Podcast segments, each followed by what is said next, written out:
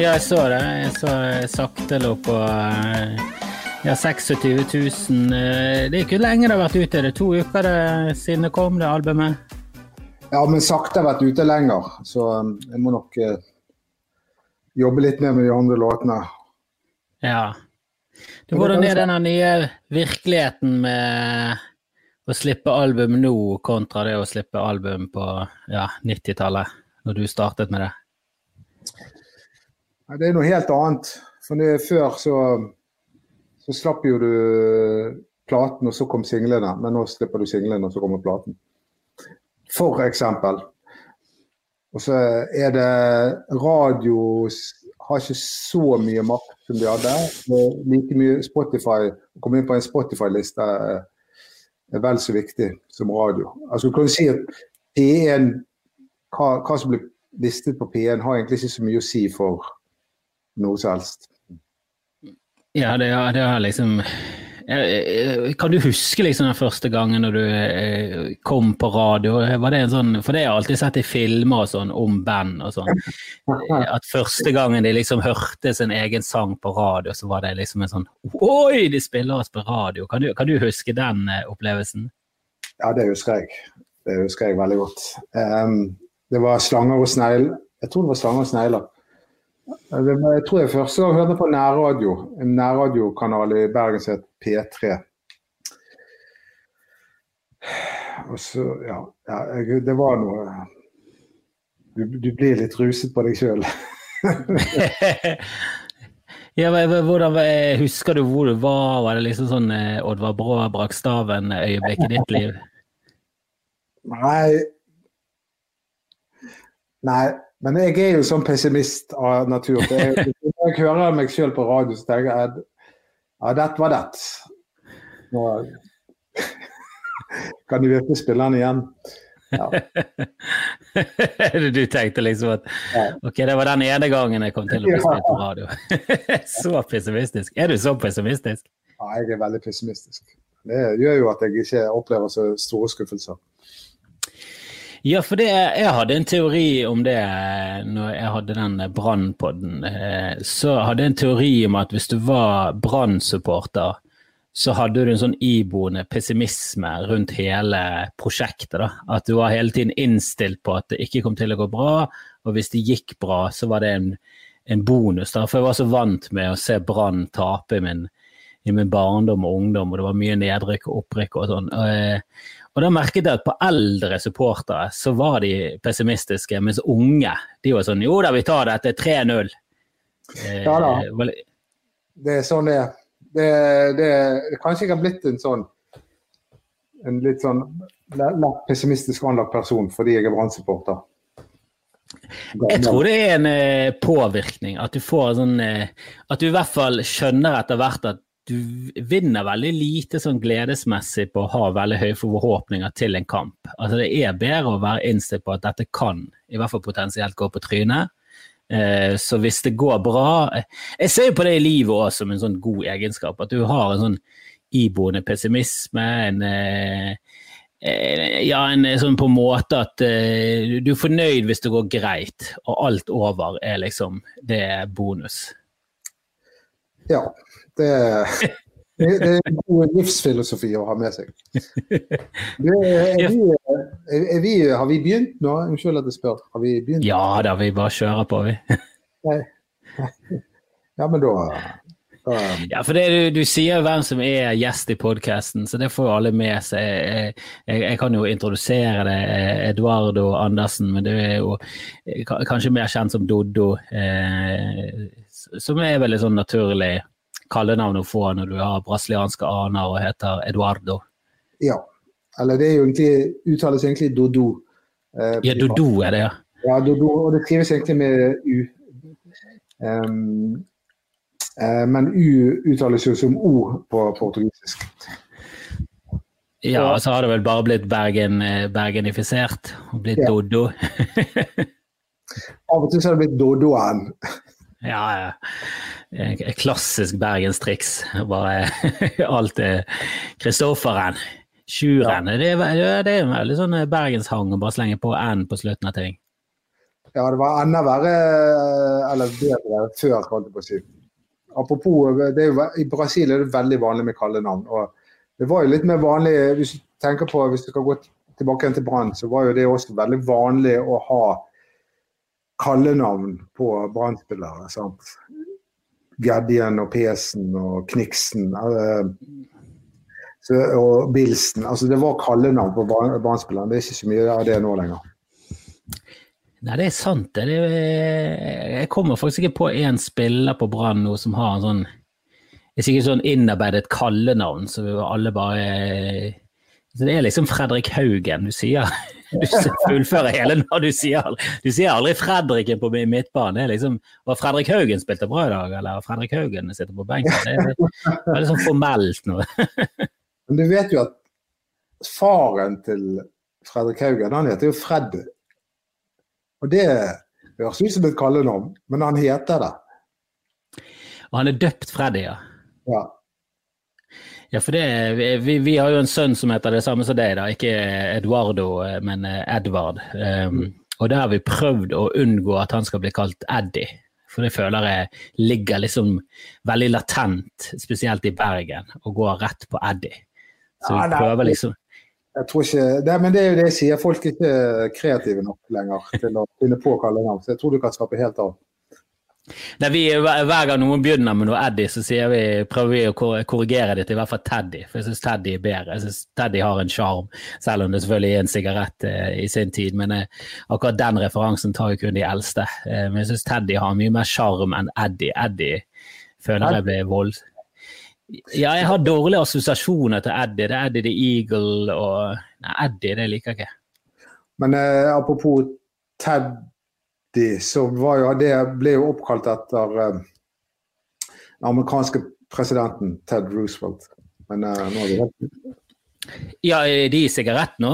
Er de også ja, derfra? Det, det har vi sin opprinnelse etter at Ted Roosevelt uh, var president. Men nå er vi helt ute på viddene. Ja, men det ender alltid på viddene, og så må vi prøve å komme oss tilbake igjen. Du har nettopp sluppet plate. Den kom ut 5.9. Eh, og ja, hvordan er det nå å bare slippe det digitalt? Eh, trykker du opp noe? Går du i CD-butikkene nå det er pandemi og alt det der greiene der? Eh, jeg trykker vinyl, da.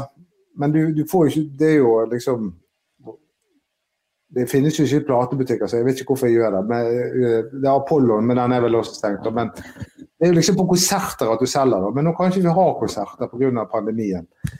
Um, så det er litt kjipt. Så det, det, jeg, ja, det har liksom ikke vært noen markeringer med å slippe, ut, slippe plate. Vi skulle, ha, vi, skulle ha, en sånn releasekonsert, men den ble avlyst pga. Av restriksjonene. Ja, du skulle ha på, eh, på Cornerteatret nå forrige fredag, var ikke det? Ja. Du måtte bare Ja, du må utsette den, da. Ja. Eller blir den avlyst? Nei, den blir utsatt. Men eh, jeg vet ikke når vi skal ha det igjen. Men det blir litt rart å liksom markere utgivelsen et år etterpå. Men vi skal, vi skal gjøre Det skal bli konsert. Ja, du må jo Det er jo et stort eh, Altså, det er et stort øyeblikk. Det er, jeg, jeg har jo ikke noe eh, forhold til det å gi ut musikk. Jeg har spilt i band, men vi kom liksom aldri lenger enn til at vi spilte konserter og hadde det gøy. Men, men det der å, å gi ut en eh, en hel plate. Hvordan er denne prosessen liksom fra starten av, og, og, når begynner man på platen? Eh, lager du hele tiden låter så du hele tiden har noe backup, eller, eller lager du ferdig en plate, og så tenker du at nå må du turnere litt, og så, og så er det liksom en prosess som varer i to år, og så begynner du på ny. Hvordan er det for en musiker? Det var, det var litt sånn før, på 90-tallet, da jeg spilte i band, så tok jeg 15 års pause. Um, men nå, eh, altså, før når vi gikk i studio, så gikk vi liksom, var vi i studio i tre-fire uker. Og, og, så hadde vi med oss de tolv låter. Eh, men nå, med de to siste platene jeg har laget nå, så, så, jeg gått, så har jeg gjort det på langs.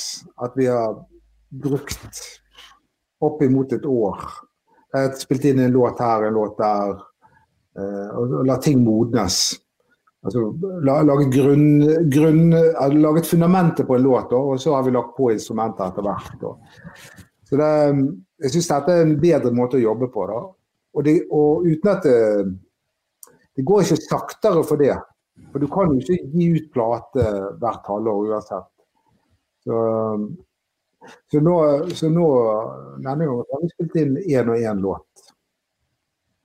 Men altså, du kan jo fysisk gjøre det, da. Altså, hva er det som hindrer det? Jeg tenker på av og til at Jeg liker spesielt godt et band som heter Daft Punk, og de er veldig lite produktive. da. Eh, jeg tror de produserer en del musikk og jeg har liksom leker med ting og sånn, men, men, selve utgivelsen av platene deres kan gjerne ta fem til åtte års mellomrom. Og det, jeg, har jo tenkt at det har vært litt deilig hvis jeg kunne gitt ut litt mer. Det er jo noen som er mer produktive enn andre. da. Eh, er det... Ja, altså det var, folk var jo mye mer produktive på 60-tallet. Tenk, tenk hvor ekstremt produktive Beatles var, som da eksisterte egentlig bare i en syvårsperiode. Ja. Er, det, er, det, sant? Syv år, var det liksom, var det liksom kjernetiden på Beatles? De ga ut sin første plate i 1963, og den siste kom i 1970. Det er jo helt vilt. Og så har de påvirket uh, all uh, pop- og rockmusikk etterpå. Ja, altså George Harrison var 27 år da han ga seg i The Beatles. ja, det er ganske Det er i hvert fall helt crazy for meg å tenke på, siden jeg er 16 år eldre nå og har aldri gitt ut en plate. og, jeg, og, det er ikke det at jeg ikke eh, liker å spille, jeg syns jo det er gøy, og jeg har jo laget masse låter, men det har liksom aldri materialisert seg en plate. Og de har allerede ja, det, blitt legender og gitt seg? Ja, det, det, er jo helt vilt hvor produktive de var. og Spesielt med tanke på at de fram de tre første årene egentlig turnerte hele tiden. Og så fikk de liksom fri en uke for å spille inn låter. Så de lagde låter når de satt i turnébussen. Og så var det inn i studio en uke eller to, og så var det bare mose inn ti låter. Og så var det ut på veien igjen.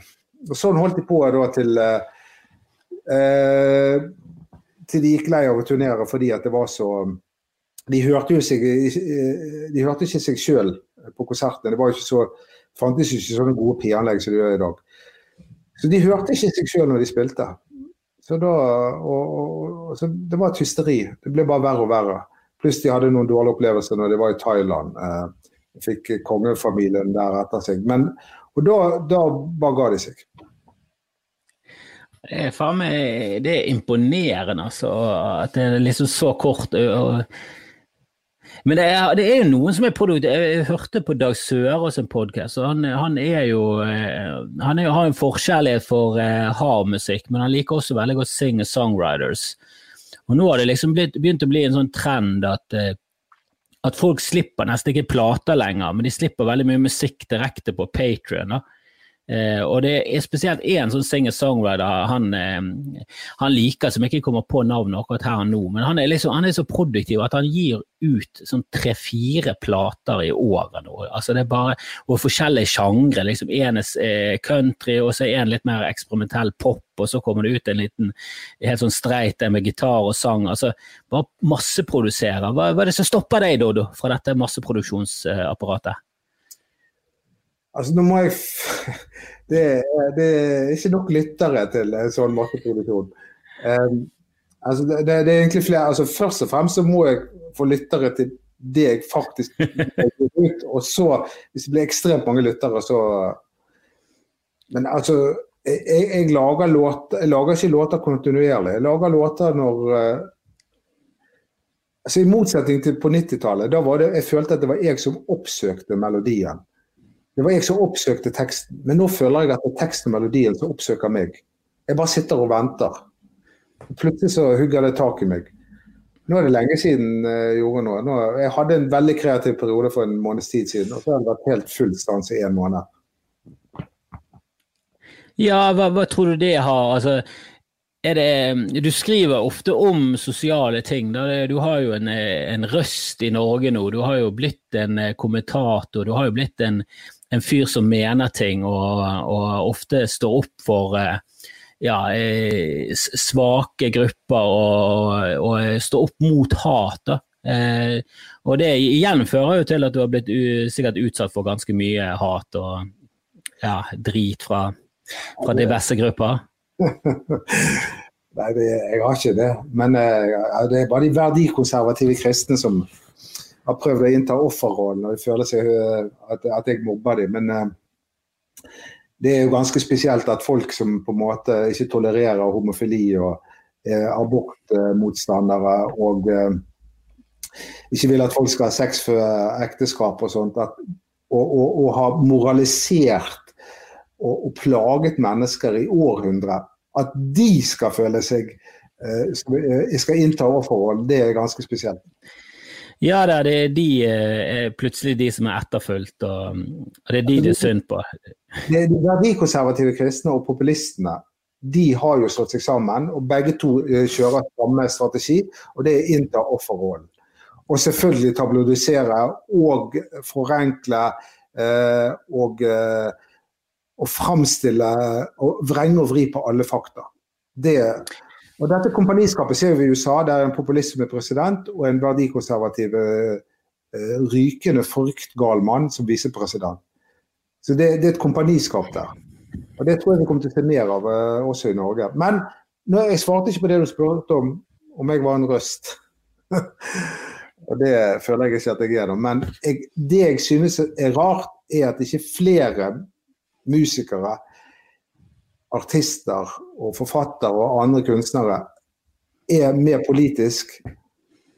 Det, det er uforståelig for meg. Altså, Visesangere som var veldig politiske en gang på 70-tallet, nå, nå, sitter de der og, og drukner i rødvin. Ja, men noe, jeg kan forstå det litt, for det, det virker jo litt sånn eh, hardt å, å, reise seg opp. Det blåser ganske kraftig for tiden. Så, altså, med en gang du er ute og mener noe om hva som helst, så, så får du en motbør. Og selvfølgelig, det, det, er jo ingen folkekrav at du må lese alle kommentarer og alle, alle meldinger du får, da. men jeg, jeg føler at du ofte kan liksom Ja, da velger du din leir, da og da begrenser det publikummet ditt voldsomt. Så jeg tror, tror noen eh, tenker sånn. da. Ja, Men vi kan ikke være så feige. Altså, det, det, det, er jo har, Dette det, det, er jo altså Jeg føler at vi lever i en, i en tid der uh, fascistiske krefter står og banker på døren vår. Da, da kan ikke vi drive og, og lalle oss i søvn. Da, da må jo vi løfte stemmen vår og, og, markere hva vi mener også. Det er jo Ja, faen, altså skal vi synge om uh, at damer har gjort det slutt med meg uh, når Adolf Hitler er på vei inn døren? Du kan jo ikke det. Jo, du kan jo det hvis hun gjorde slutt fordi at du var, eh, du var veldig imot Adolf Hitler. Hun var veldig jødehater. At det, det, er den vrien på sangen. Da. Det kan jo, det kan jo gjøre ting politisk, selv om det i utgangspunktet er uskyldig. Bortsett fra at det er en del rappere som jeg føler er veldig samfunnsengasjerte. Og føler jeg at, at blant så, Du nevnte singer-songwriter. Så, som er jo en, en, sjanger som var veldig politisk en gang i tiden. At ikke det er noen der som tar tak.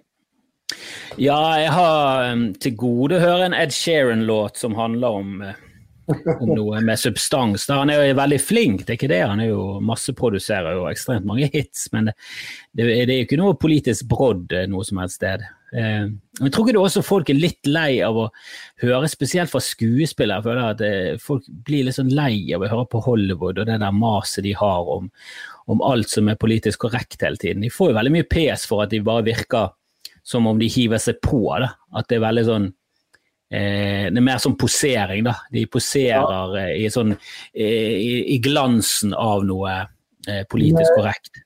Ja, det kan du si, men det, det, det, det er ikke det er ikke sånn jeg mener at, eh, at kunstnere skal være politiske. At de, at de, sier i et intervju at jeg er imot Donald Trump, f.eks. Slå inn en åpen dør. Uh, jeg mener at de skal være politiske i sitt kunstneriske uttrykk. Ja. De skal være samfunnsengasjerende i det kunstneriske uttrykket. Og det synes jeg ikke at det er mange Nå, nå snakker jeg først og fremst om Norge. Det er ikke det mange uh, skuespillere. Er, noen skuespillere, men, men, det er ikke så veldig mange artister og, uh, og, og forfattere eller andre som gjør det. Nei, det blir, det blir, ofte at, liksom, at det er veldig mange som henger seg på de der største hashtagene, virker det som. At, det, at engasjementet kommer Det er nesten sånn ja, jeg er mot krig. Så er det sånn ja, det, det, er, det er veldig mange som er mot krig. Eh, men det er litt mer sammensatt enn det. Da. Jeg, jeg føler at i, Norge så, så, er det det der å kjempe mot den der ja, den klasseforskjellen, føler jeg er en, en dårlig ting for alle involverte. Jeg tror ikke det er noe bra for de rike heller. At, det, at du, du, kommer opp i en sånn sfære der du ikke har noe som helst eh, kontakt med hvordan det er å være normal. Eh, jeg tror ikke det er bra at det blir altfor mange fattige, og at, at, eh, at gapet blir for stort. Det, det, kan jo ende opp i Det har jo historisk sett endt opp i ganske mye tragedier. Så, så skjønner jeg ikke hvorfor det, det, det, er At det ikke er krefter nok i samfunnet til å stoppe dette. For det har jo, fort, altså det har jo vært sånn veldig lenge nå. Ja, men det må jeg bare si at en av suksessfaktorene når vi begynner å snakke om forskjell mellom fattig og rik, så er en av suksessfaktorene til et godt samfunn er jo at avstanden mellom de aller fattigste og aller rikeste ikke er helt vilt stor. Og det er han ikke i Norge. Det er en f.eks. i Brasil eller USA. I USA er det 1% av befolkningen som eier 50% av alle verdier. Og det, Rikdommen der er, den, den, den er så sinnssykt stor at det, det, det er ikke mulig å, å, å, fatte det. Så det er jo, Hvis vi vil bevare et godt samfunn, så er jo det helt essensielt at, da, at den avstanden mellom de fattigste og rikeste ikke øker mer enn gjør. Og Nå øker jo han nå under denne høyreregjeringen, og det er viktig for å få stoppet den gjengen neste år. Ja, men Ser du det som realistisk at han skal bli stoppet? da? For Jeg ser, eh, jeg ser det bare, jeg følger veldig mange på venstresiden på Twitter. Jeg, jeg, jeg, jeg tipper at eh, ja, jeg, tror det er et flertall av de jeg henger med og snakker med, er i hvert fall fra, fra mitt venstre til venstre. og jeg ser liksom ikke at de har noen som skal stoppe det der høyrelokomotivet. For jeg syns jo Arbeiderpartiet har jo bare gjort Eh, altså det virker nesten som de er ledtog med Høyre. Det virker som det er et samarbeid der. jeg ser det samme i USA òg. At, at, du har liksom Trump som er så til de grader et monster, og så eh, klarer liksom ikke demokratene å stoppe han. Og nå har de fått en pandemi og en eh, nesten sånn borgerkrig i tillegg, og allikevel så er han oppe på 43% på popularitet. Som, altså han burde vært nede på 12% Det burde bare vært en sånn skarve gjeng med psykopater som heider på Trump. Men det er 43 stykker som, som mener han gjør en god jobb i USA. Ja. Nei, det er jo um, Vi må, må ikke glemme det at, uh, at, de som stemmer på han ofte er lavutdannede mennesker. Kanskje ikke uten utdannelse i det hele tatt. Uh, og, og det kreves jo altså Politikk er jo vanskelig, politikk er komplisert. Og, og, da blir det, hvis du da ikke liker komplekse ting, eller aldri har forstått det, på en måte, så blir du utrolig mm, digg da med en, en fyr som bare kommer og sier at uh, nå, skal jeg bare, bare, nå skal jeg bare fikse det, bare sleng dere tilbake, så skal jeg ordne alt sammen. Og, og, og, gjør, ja, Problemene skyldes jo de muslimene.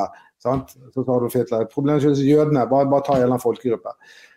Og da blir du, du får jo da sånne demagoger som tilbyr veldig enkle løsninger, som da jeg misforstår meg rett, enkle mennesker i anførselstegn, da kjøper det budskapet. Det, jeg husker fra Brasil i 80-tallet at, eh, at, de aller, aller mest høyrevridde kandidatene eh, var det de aller, aller fattigste som stemte på.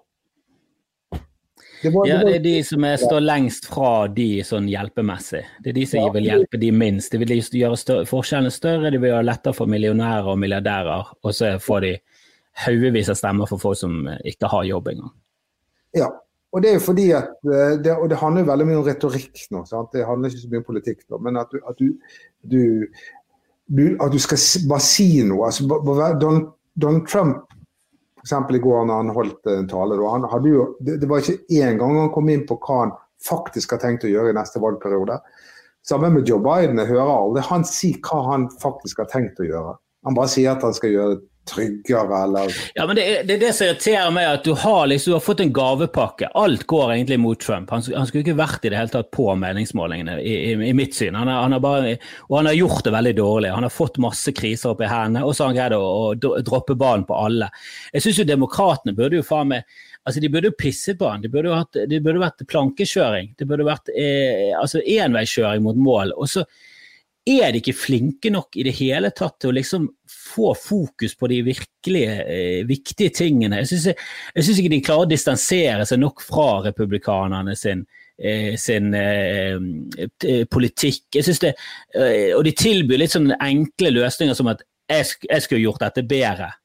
Altså Hvis dere velger meg, så skal jeg fikse denne pandemien. Så er det sånn, ja, men det er ikke sånn en pandemi fungerer. Du må jo, du må jo tilby et eller annet. Du må jo ha noe. Jeg syns det er så trist at de liksom ikke eh, at de ikke kunne, eh, kunne gått for Bernie Sanders. Det hadde, så, det hadde i hvert fall vært mye mer interessant. For han, han, ville jo fikse det amerikanske helsevesenet og gjøre en viktig innsats for det, som helt sånn tydelig er et helt så brukket system, der de bruker mer penger på helse enn alle andre nasjoner som har fri helsevesen for alle. Det, er så mye som er galt med USA og, og og valgsystemet og ja, Nei, altså, det er jo klart det. Hun jeg gjerne skulle ha sett som eh, topplederen i USA. Det, hun er Alexandra Acacia Artes. Ja, hun er jo for ung, men eh, hun kommer vel snart. Hun er for ung og for pen, tenker jeg. Men hun, hun er det litt tak i.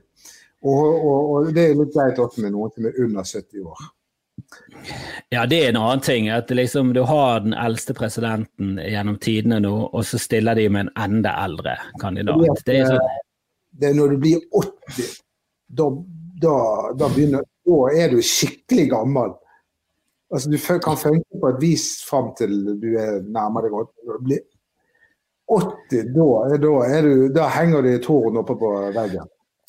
Ja, men det, Der skal jeg si at Trump han virker det i hvert fall vital. Han virker som han er full energi. Jeg vet ikke om, eh, Det går jo rykter om at han eh, popper i seg piller. Jeg, jeg vet ikke om det er sant, men han virker i hvert fall han har en eller annen eh, psykopatisk energi, og det hadde jo også Hitler til tider. Altså det virker som han blir, har en sånn utømmelig mengde av idiotisk energi.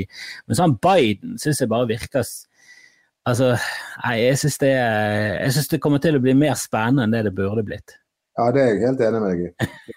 jeg ser det ikke på noen måte som at dette blir altså sånn, Før eh, valget sist så tenkte jeg det må bli Clinton. altså Skjønner ikke hvordan de kan greie å skusle det bort. Men det ja. gjorde de den gangen. Men nå tenker jeg at dette kommer til å bli close. Litt for, litt for close etter, der, etter, fire år med han Tufsen der, altså. Men nå, for, nå, for å trekke det inn mot platen min, så vi Men handler ikke han eh, om dette? jo, det, det, er en låt på plate som heter 'Snart er det valg'. Eh, og der jeg prøver å ta for meg hva på Altså, hva skal jeg si Program eh, Slagordene til, eh, til populistene. Det er versene på 'Snart ja. er det Mm. De, og det er jo veldig enkelt, det populistene griper til. Og det er jo da å, å, å splitte og demonisere og, og, og flørte med bibelbeltet. Ja, altså Jeg, jeg, jeg, jeg syns jo eh, ja, Det er noe av det mest hyklerske som fins. Det er jo eh, at, at, Frp liksom har fått et sånn fotfeste innenfor kristne miljøer. Sier jo bare alt om hva som er feil med kristne miljøer, som er i det bibelbeltet, som jeg ser på som en eh, Jo, du kan si hva som helst mange av de. Jeg har jo sunget i TenSing, jeg har truffet masse kristne, og det, det er mye, mye, forskjellig der. Du skal ikke skjære alle over én kam, men det er men det der med at det er viktigere å få igjennom én fanesak, og så drite i alt annet. Og så bare er alt annet stinker jo av ukristelige verdier som er, ikke hjelper andre, og de snakker om sninisme. Altså alle de kristne verdiene som er fine, de bare driter de. Og så sitter de igjen med to sånne kjerneverdier som de syns er viktig. Jeg syns det er, det er ja, det er jo, det er jo, jeg forstår det heller ikke, da, men uh, det er jo spesielt de verdikonservative kristne da, som populistene henvender seg til. Da. Og Det er jo fordi at populistene går med på et par saker der. og de, de, går med på det at, at Israel det Spørsmålet om Israel. Det er full støtte til Israel. Og så går de med på dette med abort, at det, det må vi prøve å begrense. Um, og, og, og, og, sånn som i USA også, der han visepresident, han er en kreasjonist. altså vil si at han, han er bokstavtro når det gjelder Bibelen. Så han tror ikke på at jordkloden er ca. 4,5 milliarder år. Han tror at den, er, er 6000 år gammel, og at den startet med Adam og Eva. Ja, altså Jeg husker jeg gikk eh, jeg husker jeg gikk i klasse med, med en person, og da begynte vi å diskutere litt sånn Han, kom, han var litt sånn eh, ja, ganske konservativ kristen. Og Da husker vi begynte å diskutere evolusjonsteori. Da, og Han trodde faktisk på, han hadde en ny vri. da, Han trodde på evolusjonsteori, han trodde bare ikke mennesker var en del av han. Han trodde mennesker hadde blitt puttet ned på jorden av Gud. Og Da bare husker jeg sa sånn, ja, men da kan ikke vi diskutere. Hvis vi står så langt fra hverandre, så er det ingen det er ingen vei til at vi skal få en felles forståelse om noe som helst. Hvis du tror at uh, at, uh, at no, på noe sånt, da, at du tror på Adam og Eva og sånn, da er det for meg sånn, ja, men da er vi uh, Da har vi to helt forskjellige hjerner, da. Så da kan ikke vi, kan ikke vi kommunisere, rett og slett. Det er jo det som er så veldig dumt nå, da. Det er jo det er jo da at fakta og sannhet er under angrep. sant? At det, det, det, det Du kan komme med tonnevis med bevis på at uh, at uh, at jeg er hvit i huden, f.eks. Men så er det noen som sier nei, du er faktisk svart. Og, og ja. Eh, så, ja, det mener jeg. Og det, det, må jeg få lov til å mene. Og det er et alternativ fakta. Altså, da, da sauses alt i hop. Når vi ikke kan stole på når, når, noen sier at vi ikke skal stole på vitenskapsfolk, sånn som Jon Helgheim, som som er Frp-politiker som har null utdannelse, han, han, har jo gått kraftig til angrep på forskere og vitenskapsfolk og, og mener at, uh, at sunn fornuft er en vel så bra verdi. Ja, Han mener vel at universiteter er venstrevridde, og det skaper venstrevridde mennesker. Så, så, det er sånn ja, det et miljø der de bare kverner ut. Det, det, det er politisk, da. Altså At universitetet er en politisk ting som, jo, er, som, ikke er en bra ting for samfunnet. Da. Og, og, når noen spurte han om kilden til det, så sa han 'jeg er kilden'. Ja. Han er, han er, han er rett og slett veldig, veldig gal. Jon Helge. Han, han, er den galeste. Jeg trodde, jeg trodde jo liksom på 80-tallet at det, de gikk ikke an å bli sprøere enn det Carl I. Hagen var. og sånt. Men eh, så kom jo Sylvi Lysthaug, og da tenkte jeg at nå altså Hun er jo helt noe av det verste jeg har sett. Men så kommer faen meg Jon Helgheim og topper hele driten. Og, han, er jo, han, er jo han, han, legger jo ikke skjul på at han er rasist. At han mener at, hvite, at de hvite mennesker er herrer på jordkloden.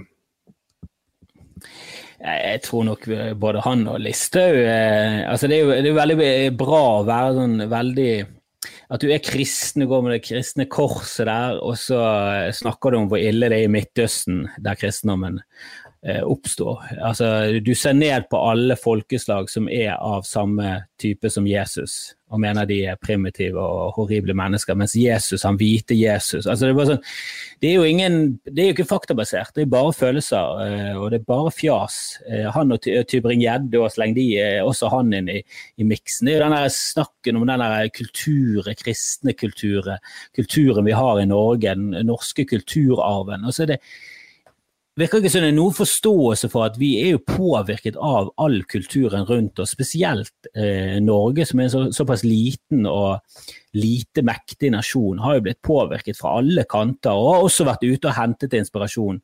Og det har vært den største styrken vår. Det har liksom vært Storhetstiden vår var når vi reiste rundt og handlet med andre mennesker og tok med oss kultur tilbake inn til landet. Og så snakker de om om oss som en sånn isolert liten nasjon her som har skapt vår egen greie. Altså det, er, det, det viser seg litt en forståelse for noe som helst. da. Ja, Det er veldig veldig rart, fordi at eh, kristendommen jo, kommer jo fra Midtøsten. Eh, sånn som eh, da, altså de, Disse tre religionene da, som er bygget på eh, det, altså Både islam og kristendommen er jo bygget på den jødiske religionen. Eh, og, og, og, har hentet egentlig utrolig mye av stoffet sitt derfra. Spesielt islam. Jeg ser jo ikke at islam har noe originalt stoff i det hele tatt. Nesten alt er hentet fra jødiske skrifter eller fra, fra kristendommen. Um, og selv dette her, eh, som jeg trodde var originalt, det med Karban, den hellige steinen, eller ramadan, den hellige måneden, så dette var jo ting som eksisterte før islam. Um, så det er ikke noe nytt der heller. Men uansett, nå snakker vi bort. Det er både kristendommen og jødedommen og uh, islam kommer jo fra det samme området der. Um, og de har jo alltid levd tett på hverandre. De har vært uh, ofte gode venner, og nå for tiden mest fiender. Eh, bønneretningen til muslimene var jo opprinnelig i Jerusalem. Altså Mohammed hadde et godt forhold til jødene. Så Bønneretningen var i Jerusalem. Når han, når han kom på kant med når han kom på kant med, med jødene og etter hvert slaktet ned et par landsbyer med de, da, ble bønneretningen endret til Mekka. Altså For meg så er det Jeg syns det er så tydelig at det er den klassiske eh, At de som er nærmest deg selv, det er de du eh, ofte eh, ender opp med å hate mest. Altså De som er ganske li... Altså, jeg har aldri forstått hvorfor muslimer og kristne er sånn bitre fine. Jøder og muslimer. det er bare sånn dere spiser, altså dere er jo et av få folkeslag som ikke spiser eh, svin. Dere har Eh, ingen forhud, dere har så å si den samme religion, dere ligner veldig, dere er det samme folkeslag, dere kommer fra den samme region i verden. Dere er jo naboer, dere burde vært gode venner. Det er akkurat som Jugoslavia før krigen. Det er liksom, alle lever egentlig i fred og fordragelighet, og så er det en liten gnist, og så er det fuckings holocaust. Altså, det er jo det handler jo om makt. Det handler jo makt. Det er akkurat sånn som katolikker og protestanter i Nord-Irland. De, de, er kristne begge to, sant? men har litt forskjellig syn på det. Det samme med islam, der sunnimuslimer og sjiamuslimer er bitre, bitre fiender. Tenk bare på konflikten mellom Saudi-Arabia og Iran. Eh, altså, og, og, og, for oss som ikke kjenner islam så godt, så er det helt, helt det er helt spinnvilt. Hvorfor skal de hate hverandre, shia og sunnimuslimer, når de tror på akkurat det samme? Nei, altså mesteparten av muslimsk terrorisme eh, eh, Det er sånn når Carl I. Hagen er sånn Nei, jeg sier ikke at alle muslimer er terrorister, jeg sier bare at alle terrorister er muslimer. Og så er det sånn, ja, Men ikke her, ikke i Europa. Nede i Midtøsten så er det, ja, er det veldig mange eh, muslimske terrorister mot andre muslimer. De, de dreper jo hverandre over en lav sko. Altså ISIS, Mesteparten av ISIS sine angrep har gått mot eh, Jeg husker aldri om de er sunni eller shia, men de har gått mot den andre. Men jeg må jo bare si at eh, det har vært mange terrorister i Europa også av eh, uh, Men de blir jo ofte sett på som personlige tragedier hvis det er en hvit mann. Og vi skal jo aldri glemme at den eneste som har utført en terrorhandling på norsk jord, det er jo til dags dato to hvite menn.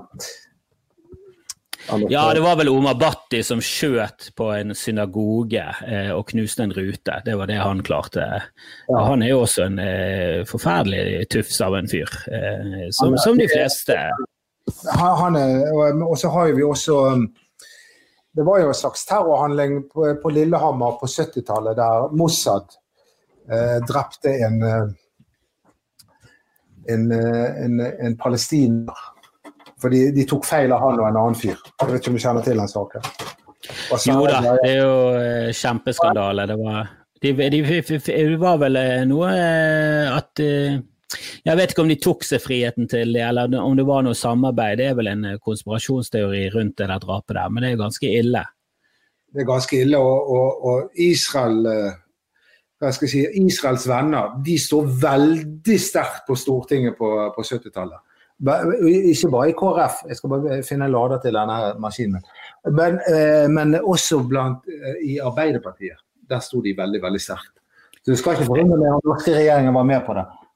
Jeg synes denne, jeg, jeg, jeg, jeg, hørte om noe grunn til at veldig mange evangelikere og sånn er veldig sånn pro Israel. og det er Eh, så som jeg har forstått det, at det henger sammen med Armageddon. Eh, at når jorden skal gå under og, eh, og Kristus kommer tilbake igjen, så skal det ifølge Bibelen være at jødene bor i det området.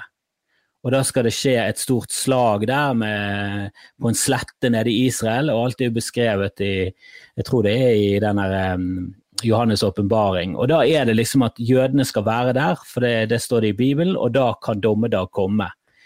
Og det er for meg bare sånn Hvor ond er du som menneske hvis det er det du ser frem til? For da, da tenker jeg det sånn, da er du så Ok, kanskje ikke ond, men du er så egoistisk og så narsissistisk at det eneste som teller for deg, det er at dommedag skal komme, Kristus skal komme tilbake og dømme alle mennesker, og alle som ikke tror på han, de skal komme til helvete og, eller vandre rundt på jorden til evig tid, og så skal de andre bli tatt opp til himmelen. Det er jo veldig sånn Hva er det for en ting å liksom vente og håpe på?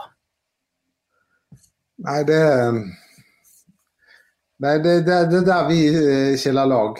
Eh, det, det er uforståelig. Eh, og det er uforståelig Båndskurk, det er, jo det som er eh, nesten eh, hovedoppdraget til en båndskurk i hver Bond-film. er jo at de skal utføre en eller annen handling eh, som eh, går utover så å si alle mennesker eh, på jordkloden utenom de selv. Da, og så får de en eller annen slags rettferdighet pga. et eller annet som har skjedd i barndommen. Eller det er alltid en eller annen sånn psykopatisk forklaring på hvorfor de skal ja. Eh, utføre en eller annen sånn kjempestor hand. Og det er, det, det er, jo på det nivået der jeg føler at Armageddon er. At, at, de går rundt og ber og tror og håper på at det skal komme jordens undergang i deres livstid. Det er for meg bare sånn det er helt absurd å gå rundt og tenke og håpe på. Ja, det er det. Og det er jo religiøs fanatisme som, eh, som eh, vi må bekjempe med, med, med kunnskap. Og passe på at den gjengen der aldri får noe spesielt mye makt, og passe på at ikke de får noe tilflytt av nye, nye medlemmer. Det, det, det, kan kun bekjempes med kunnskap, og det må bekjempes også med. Nå er vi tilbake til det vi begynte å snakke om, at, at, kunstnere også er med å markere eh, at de gjerne vil fortsatt at, at, at vi skal fortsatt leve i opplysningens tid. Ja, det er Jeg syns det, det, det var jo nettopp denne Sien-demonstrasjonen. Og da, jeg har jo ja, jeg, jeg, snakket med Vågar Unstad, han er rapperen, og, og, han hadde en veldig altså en veldig sånn uh, fin retorisk uh, forsvar for hvorfor vold mot Sian var en positiv ting. Da er jeg ikke enig med han, men han klarte å ordlegge seg og få frem poenget sitt. Jeg bare jeg tror ikke det hjelper situasjonen. Jeg tror ikke folk blir mindre eh, rasistisk av at eh, de verste rasistene blir slått ned av eh, de verste antirasistene. Så, så, vi kan gjerne være uenige med metodene, men jeg vil jo, eh, jeg vil jo selvfølgelig ta til motmæle på min måte da, og, og, stå opp mot Sian og Jon Helgheim og Listhaug og, eh, og alt det der. Ja, men vi må gjøre på den rette måten.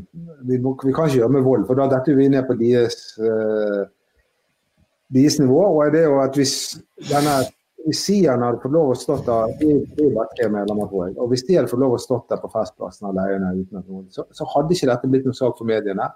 Og hadde ikke, de hadde ikke fått lov å delta i debatten på NRK, um, for de hadde blitt uh, usynliggjort.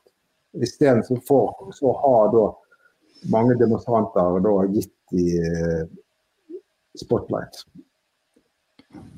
Ja, det er ja, Det er jo synd, da. Eh, men så er det veldig mange som mener at de ikke skal få lov til å mene noe som helst. De skal ikke få lov til å ha disse holdningene. Der mener jeg at jeg syns ytringsfriheten er en fin ting. Eh, og med ytringsfriheten så kommer det også ganske mye ubehagelige meninger og ytringer som du må tåle, rett og slett. Og jeg synes jo det men det, det, er litt rart at Kamel skal bli tatt for å si fuck the police, og brenne Koranen på åpen gate helt OK. Ja, men Kamelen ble tatt for det på Sørlandet, og Sørlandet og Kristiansand det er Altså Det er noe som skurrer med hele den regionen. Altså Til og med Kristiansand, som er en by og burde ha liksom kommet seg ut av det der bibelbeltet på en eller annen måte. De henger fast. Jeg husker når Marilyn Manson skulle spille der. og greit, Han er ikke akkurat så veldig populær for tiden, for det har kommet en del eh, ekskjærester ut med ganske grove eh, anklager om, eh, om hans ja, sexliv og hvordan han er som person. Men sånn musikkmessig så spiller han egentlig bare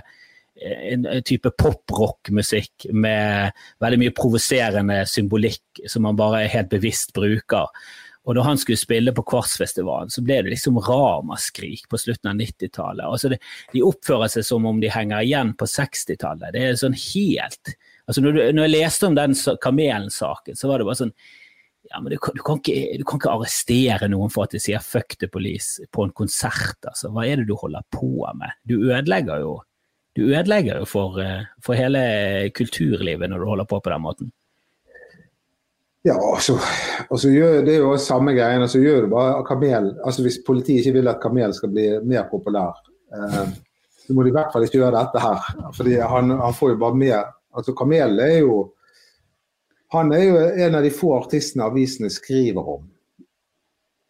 Fordi han, han det, er jo, det er jo en sånn greie nå som alle medier opererer med, at vi kan ikke skrive om deg eller lage reportasje om deg, om deg hvis ikke du har en historie å fortelle. Sant? Og det, Denne historien har jo Kamelen skapt. Uh, men vi andre vi må, vi må, dra opp et eller annet, at min mor døde nå, eller jeg har nettopp hatt kreft, eller et eller annet uh, sånn for å få lov å få spalteplass. Ja, Du får ta og druse til en, eh, en tilfeldig med en brostein, og så må du begynne å slenge dritt på politiet. Så begynner det å bli litt fart på denne karrieren din, Dodo. Det er det som skal Koste hva det koste vil. Jeg lover deg at Spotify-tallene mine har gått rett i været. ja, ja, herregud. Eh, jeg bare syns eh, Jeg registrerte jo at Listhaug gikk ut mot en eh, film nå som, eh, som eh, har blitt en sånn eh, snakkes på Netflix, den Cuties, som har fått ekstremt mye motbør. jeg tror ene og alene pga. at reklameplakaten er veldig spekulativ. og ja, eh, på grensen til det ja, det, det, Å kalle det pedofili blir jo voldsomt, da, men det er jo seksualisering av barn. Og det er jo trist når hele filmen handler egentlig om problematikken rundt seksualisering av barn. At Netflix velger å lage en sånn glamour, eh, glamour eh, glamorifisering av disse barna på plakatene. Så det ser jo for Jeg har sett den opprinnelige plakaten, og den er mye mer normal. og Den har vunnet priser i Sundance. Det er jo en seriøs, skikkelig bra film, dette. Og så går Listhaug ut mot denne filmen. Og det er under en uke etter at Frp var så sinnssykt på å beskytte ytringsfriheten til Sian. Det, vi, vi, kan ikke snakke om inkonsekvensen det er blant uh, Sylvi Løsthaug og co. Og, og, det er jo det, Hvis jeg skal, nå skal trekke det inn på min plate igjen, så er jo uh, den startet valget. Fordi at Utgangspunktet for den låten var at jeg diskuterte med. Hva, der vi hva er det egentlig populistene Det var når Sylvi Lysthaug var som aller mest i mediene. Så diskuterte vi hva er det egentlig populistene vil? Hva er agendaen? Sant? Og da sa min bror de, de vil ikke noe annet enn å skape kaos. Det er det de vil. De vil skape kaos og vrede. Og og det er det Sylvi Lysthaug nå, når hun kjører på. det er jo, Hun har jo ikke noe omsorg for, for den saken egentlig i det hele tatt. Hun, hun, vil bare få folk til å bli forbanna. Hun, hun er summetonen, Sylvi Lysthaug. Ja, men tror ikke du det endelige målet liksom er å komme til makten, og, og tror ikke du hun i, i hvert fall vil ha ut muslimer? Altså selv om det virker håpløst, eh, håpløst som idé, da, og, og, veldig vanskelig å gjennomføre òg på, på sånn lovlig vis. Det er jo de, det, de, det, de, vil at Norge skal bli rent og hvitt, holdt jeg på å si. Det kommer jo aldri til å skje. Så hvorfor gidder man da å snakke om det? det er jo altså, de vil ha Norge tilbake igjen sånn som det var på 50-tallet. Bare hvite nordmenn her. Men det, det, er jo, men Sånn kommer det aldri til å bli. og da tenker jeg Det er så veldig rart at du definerer en politikk som er helt umulig å gjennomføre. Og Det er jo da bare for at folk skal få skape denne fienden og, og splitte opp samfunnet mellom oss og dem. Ja, men Tror du ikke at, at uansett hvor du er hen, eh, altså at det er et veldig fåtall av mennesker som er en sånn Eh, prøver å være en dårlig kraft i samfunnet. At de fleste tror at de, Jeg tror ikke du han Sian-fyren tror at han er en god kraft, at han jobber for et hellig mål. At han, at han, er, at han, er, som en hellig kriger som nå jobber for et hvitt Norge, og det er det egentlig alle vil, for det er det som er det beste for, for flertallet. Tror ikke du det? Jeg tror at han er genuint uh, muslimhater, det tror jeg. Men i tillegg så tror jeg at han nok er en fyr som har gått på mange smeller i livet sitt. Og så tror jeg han har blitt ruset av den oppmerksomheten han uh, får, har fått av uh, um, ja, altså, det skrives jo om han. Altså, det, det, der å være i mediene og, stadig vekk bli omtalt og stadig vekk bli innkalt i et studio for å debattere, og sånt, det, det, kan gi noen et voldsomt kick. Det er en rus. Og den, den tror jeg at, um, at, at han, han, har kjent på. Men han, han, må, jo han må være gal. Det er ingen, det ingen som gjør sånn som det å, brenne Koranen. sånn som det bare provosere muslimene. Og de lar jo seg lett provosere, det må jo vi si. Eh, å gå rett og gjøre det verste du kan gjøre. Altså. Det er verre enn å tegne Mohammed. De brenner Koranen.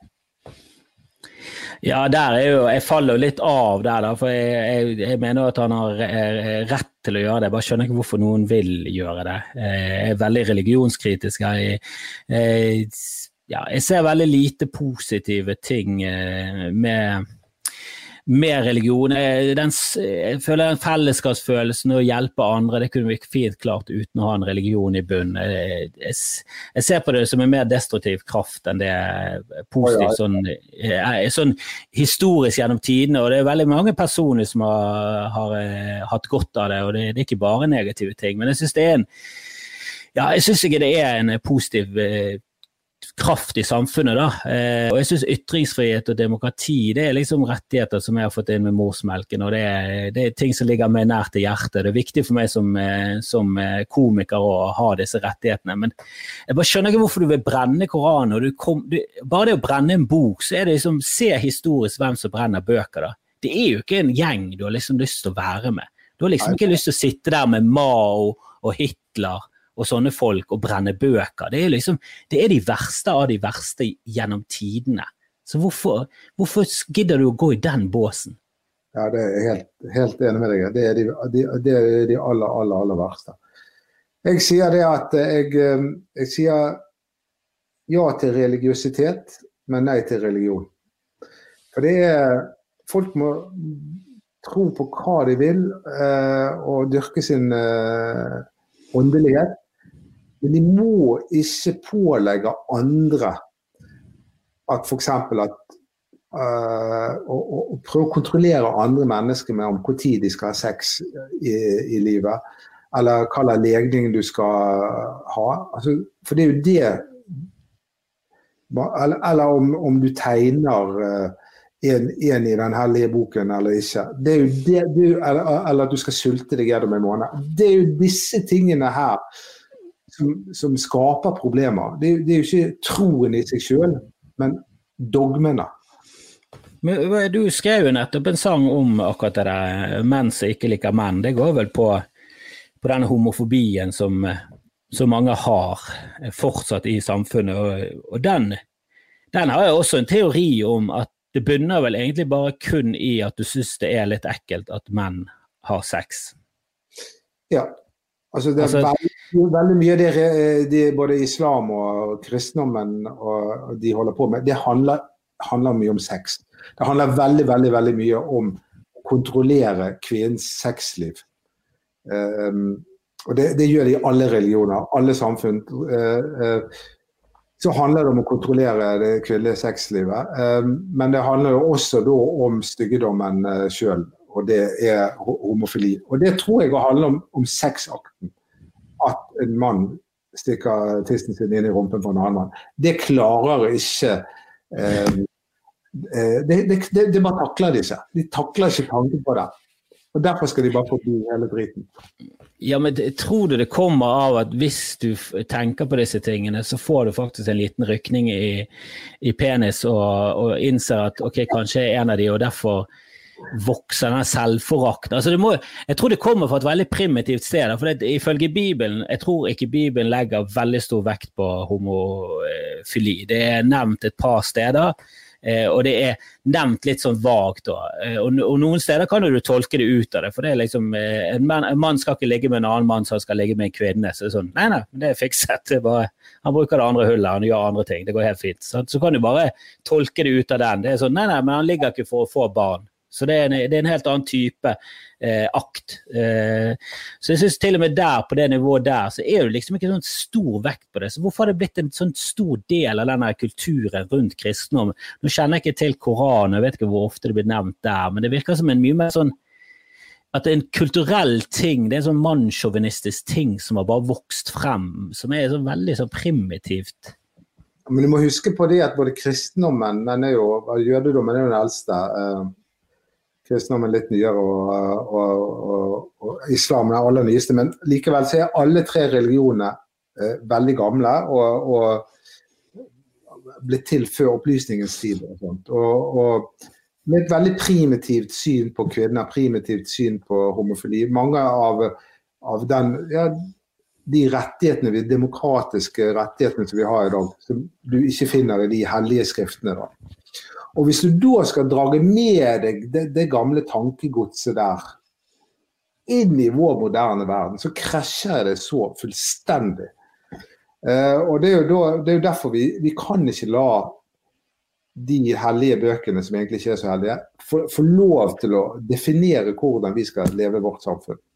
Og det med du, bare tilbake til det du sa, det med at, uh, at de, de, kristne prøver veldig ofte å pårope seg at det er de som har vært med på å skape det, uh, humanismen og nestkjærligheten som vi opplever i vår, vårt samfunn, der alle mennesker betyr like mye. Men det, det, er ikke de kristne som har drevet det framover i det hele tatt. Det, det, det kommer fra andre steder. Ja, altså Jesus var vel en ganske sånn buddha-inspirert eh, person. Han tok jo mye fra buddhismen og, og andre religioner. og eh, altså Ingenting er jo nytt. altså eh, Det er jo nesten sånn at om tusen år så kommer det til å være en eller annen ny religion som står veldig sterkt, som kanskje starter nå, eller kanskje det er scientologismen, jeg vet da søren. Men det, det er jo hele tiden så bygger disse religionene på gamle eh, gamle fabler, gamle religioner, gamle skrifter. altså Alt går jo tilbake mye lenger. Det er Jomfrufødsel, går på vannet. Alle tingene er jo bare hentet fra andre steder. Det er jo ingenting så nytt. altså Menneskekulturen har vel eh, altså Det mennesket vi er, da Homo sapiens, var vel sånn noenlunde ferdig utviklet for 75 000 år siden. Og dessverre så har jo ikke vi utviklet oss noe særlig videre. Som jeg syns er veldig spennende å tenke på da, at vi var liksom, vi hadde den samme hjernekapasiteten for 75 000 år siden som vi har nå, så å si. Ja, nei, vi Ja, det hva som skjer på det menneskelige, det vet jeg ikke. Men at, eh, at Bare for å avslutte det med, med religion, da. At jeg, jeg altså Folk må jo få lov til å ha sin tro og få lov å utøve sin tro. Eh, de skal til og med få lov å ha sine hellige bygninger og, og, og bare, bare, kjøre på. Men de må ikke få lov til å være med og bestemme hvordan det skal være. I hvert fall så lenge de har veldig eh, kanskje, eh, anakronistiske holdninger til sex. Nei, altså, jeg, jeg syns du kunne slutte med De må ikke få lov til å være med og bestemme. Jeg syns det er bra. syns det er bra. Jeg, jeg syns ikke religiøse ledere har noe i samfunnsdebatten å gjøre. Hvis ikke de har noe å komme med utover det at uh, at dette står i Bibelen, og dette har jeg funnet i Bibelen, og dette her står i Bibelen. For det er sånn, Vi har alle tilgang til den, så vi trenger ikke deg for å vite det. Vi, vet, og vi, vi har alle våre tol tolkninger. da, og Min tolkning er at dette er tanker som ble skrevet ned for over 2000 år siden. Noen av de er så gamle som 4000-5000 år gamle. Og det er, det er liksom ikke god valuta nå, alle de der tankene der. Vi må velge litt, og så må vi kaste resten. Det er det vi må gjøre. Uh, vi, må, vi, må, vi, må, bare holde Vi må ha et skarpt skille mellom stat og religion. Uh, ja. Og, det, og, jeg, og, jeg, skjønner ikke hvorfor de skal være med og bestemme så mye her, hvis de da egentlig vektlegger det som skjer etter døden så sterkt. Det, det, er da festen begynner. Så, da, hvis ja. så kan vi få lov å holde på nå. Ja, de har sin funksjon for, for, mange i samfunnet, så de trenger ikke å være med og bestemme for alle i samfunnet. De har sin flokk, og de kan Og der kan jo de sikkert påvirke de i den graden de vil. Det, det har jo de full mulighet til. Hver eneste søndag så kan de si Listhaug er en flott kvinne, hun kjemper for de kristne verdiene. Og, og Jon Helge er kanskje den nye Jesus. Hvem vet? Men eh, det, det, bare for å si at um, det synger jeg også om uh, på, på, den nye platen min. Jeg, jeg, prøver hele tiden å trekke det inn her. Jeg prøver å gå vekk derfra. Jeg vil bare snakke om politikk og religion. ja, men, men jeg synger et sted at vi skulle ha søkt en gud som ikke driver med straff. Uh, og, og, og, det mener jeg også. at jeg, jeg, forstår ikke hvorfor vi velger et, en gud eller et gudsbilde som driver da, og er knallhard i, i sine straffemetoder. Vi skal, vi skal, faktisk brenne i evighet. Eh, I evighet! Du skal brenne så det det tar vel ikke mer enn fem minutter å brenne deg opp, og så settes det i gang. Og Det må jo være smertehelvete uten like. Og dette skal pågå til evig tid. Vet du hva? Jeg nekter å tro at hvis det finnes en gud som faktisk ønsker eller har muligheten til å påvirke oss mennesker, så tror jeg ikke at han står inne for den type straffemetoder. Det er, rent, det er verre enn alle torturmetoder som Pol Pot og Mao og Stalin fant på til, til sammen. Ja, men det er jo litt sånn, det, det er jo voldsomt så mye menneskelige egenskaper denne eh, uransakelige guden vår har, da. Voldsomt så mye sjalusi og hevngjerrighet og, og, sånne. Han innehar jo veldig mange av de dårlige menneskelige egenskapene som jeg, som jeg i hvert fall tenker at hvis det finnes en guddommelig skapning som kan skape hele universet og sette alt dette i gang, og, og har laget så mye vakkert at han skal ha så mye primitive følelser for eh, skaperverket sitt, det, det virker, virker, mistenkelig mye som at mennesker har skapt denne guden. Du har jo, du har jo um, du har jo um, Du nevnte jo det eh, tidligere også, da. Uh, eller kom inn på det. Og det er jo det at Dette gudsbildet det har jo endret seg veldig mye. Ifra, altså, hvis du leser om, om Gud i Gamle Testamentet, sant? så oppstår det nye navn på han etter hvert, Jave og sånn. Og han går jo fra F.eks. å være en veldig godslig, jovial fyr som drikker melk sammen med Abraham, eh, til å bli da utrolig rasende sint på Moses, som må gå opp igjen på Sinai-fjellet og hente tid en gang til. Og Han skaper jo jordskjelv, det er bare tusenvis av mennesker som dør på et blunk der. Fordi at uh, de dyrker denne gullkalven osv. Så, videre. så den guden som opptrer i, i Bibelen, selv han jeg varierer mellom å være en sånn snill eh, bestefar-type til å bli, eh, bli skikkelig sinna. Men det er jo fordi han bærer preg av at det er en bok som er sammensatt av utallige fortellinger og fabler som har utviklet seg i forskjellige retninger, og så har de bare klasket alt sammen til en ja, til en, et kompendium da, som skal liksom forklare eh, hvordan vi skal leve. Det er derfor jeg har litt mer respekt for eh, Koranen, for den er den er liksom et, etter sagnet skrevet av én, ja, hele greien. da. Det, det, men, men, men, men, den er jo bygget på Jo da, jeg vet jo det, men, hvis du er fanatisk og du tror på det, så er det liksom én mann som har sittet og skrevet hele boken, og Bibelen er jo jeg tror til og med for Mike Pence og gale kreasjonister, så er de også bevisst på at jo da, den er satt sammen av veldig mange skrifter. Jeg må bare få lov til å si at ifølge Koranen sjøl så er ikke det Mohammed som har skrevet den, men det er Allah. Men den er blitt skrevet gjennom han. Og, og, og, og den Koranen Ikke Koranen hvis ikke den står på arabisk. Den er uoversettelig. Så Det er også litt spent på hvem det de sier. Om de, om de brente Koranen på arabisk, for da brente de Koranen. Hvis de brente den norske utgaven, så var det faktisk ikke Koranen. Ja, men Det er ikke så dumt det der at den er uoversettelig, for det, jeg har jo sett eksempler på at Bibelen kanskje har blitt feiltolket opp igjennom. da. At, at det var ingen jomfru Maria, men det var en ung pike. Altså sånne ting. da, at det, det er liksom, De lærde strides om hva som egentlig er den rette bibelen. Så det er jo blitt veldig mange forskjellige bibler som igjen fører, fører til splittelse og, og feiltolkninger og, og nye tolkninger av ting. men det at Maria var jomfru, det, det, tror jeg det var noe som de vedtok på et kirkemøte sånn 600 år etterpå. Altså. Så fordi at, at, at, moren til eh, Jesus hadde pult, det, det, det kunne ikke det, skulle være rent. Og da gjorde de hun til en jomfru. Men avslutningsvis, vet du, vet du, hvem i Bibelen som den eneste som hadde blitt drept direkte av Gud? For han bruker jo ofte engler og naturkatastrofer, men, men det er én han drepte direkte. Wow, det er en god quiz. Men jeg vet ikke svaret på det. Men det er, men det er jo helt sikkert i Gamle Testamentet, da. Det tror jeg nok. Ja, jeg er ganske sikker på det Gamle Testamentet han dukket opp. Nei, du, du, jeg får ikke noe sånn noen, noen hjelpetråder. Det er en fyr som får beskjed om at han skal ligge med sin avdøde brors eh, enke da, eh, og få barn med henne. Eh, og det får han liksom beskjed om eh, ganske nylig etter at broren har gått bort, og så har ikke han lyst til det. Ja, det Gamle testamentet. Eh, hva slags historie er det, da?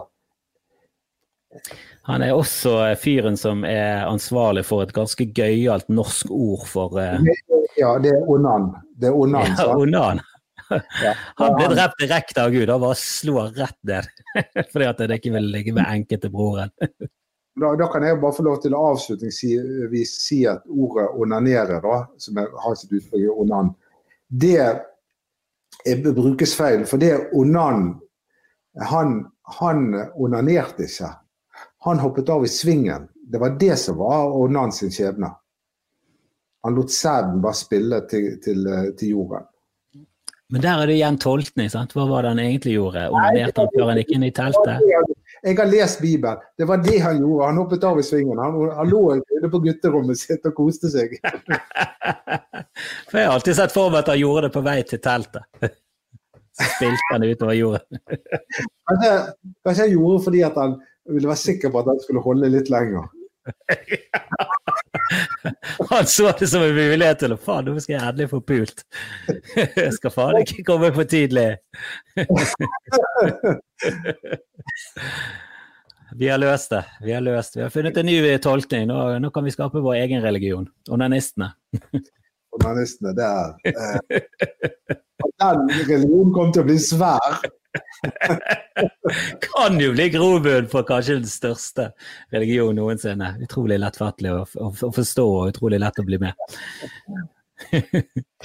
du, tusen takk for praten, eh, Dodo. Eh, lykke til med platen. Eh, har du noen ønsker til folk der ute? Ja, jeg, har egentlig veldig Vær, vær snille mot hverandre. Det, det er kort oppsummert. Ja, og, og, platen heter jo veldig passende 'Tunge tider'. 4. var september var den kom ut, ikke 5. 4. september står det på Spotify. Ja. Eh, da anbefaler jeg alle å sjekke ut den. Eh, jeg likte spesielt godt eh, den Jeg likte veldig godt denne 'Menn som ikke liker menn'. Jeg syns den var flott. Takk. Sakte har jo vært ute, det er jo hiten derfra, så Ja, jeg må også få lov å anbefale tittellåten som, er, som synges sammen med Marte Valle. Hun var på Debatten på NRK torsdag eh, i går. Og um, hun er, et, hun, altså hun er en kunstner som altså hun, hun, hun, går 100 000 skritt lenger enn meg. For jeg, jeg, mener og jeg skriver, men hun handler faktisk. Hun reiser ned til flyktningleirene i Hellas og står på ja, Det er respekt. altså. Jeg har alltid tenkt hvorfor gjør jeg altså, jeg, kommer ikke til å gjøre det, og det er det jeg tenker. Hvorfor gjør jeg ikke det? Hvorfor kommer alle til å gjøre det? Hvorfor i hodet mitt så er det bare sånn enorm sperre på å reise ned til andre mennesker som trenger hjelp. Det er for meg, det er for meg sånn helt urealistisk at jeg noensinne skal gjøre det. Og det, det syns jeg er trist. Ja, det, og det er nok Jeg vet ikke hvordan med deg, men med meg så handler det Det handler jo litt om at jeg er så tilpass her, jeg også. Men det handler nok litt om en frykt for Vi vet ja, det, Jeg tror det er en frykt for hva som Hvordan det vil oppleves. Mm.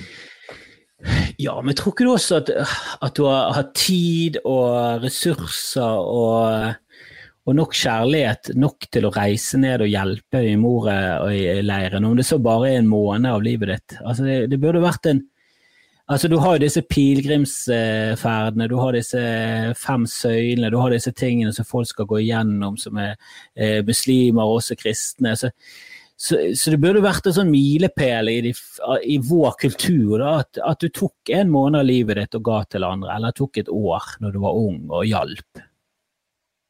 Det har vært en slags dannelsesreise, ja. Det, ja. Det istedenfor det, det kunne vært en god idé, ja. Kuttet litt ned på militærtjenesten og heller lagt inn Eller kanskje en måned av militærtjeneste skulle vært at du måtte dra ned. Ja, enten sivil eller eh, vanlig militærtjeneste. Eller hvis du slapp og gikk på folkehøyskole, så var det sånn, ja, men eh, i juni så reiser vi alle ned, og så hjelper vi. Der, det, det, Dette er det jo Helgheim likt, for han sier jo alltid at vi skal hjelpe de der de er. Ja, mens han kutter i bistand. Det gir ingen mening, som vanlig. Tusen takk for praten, Dodo. I like så. Ha det bra.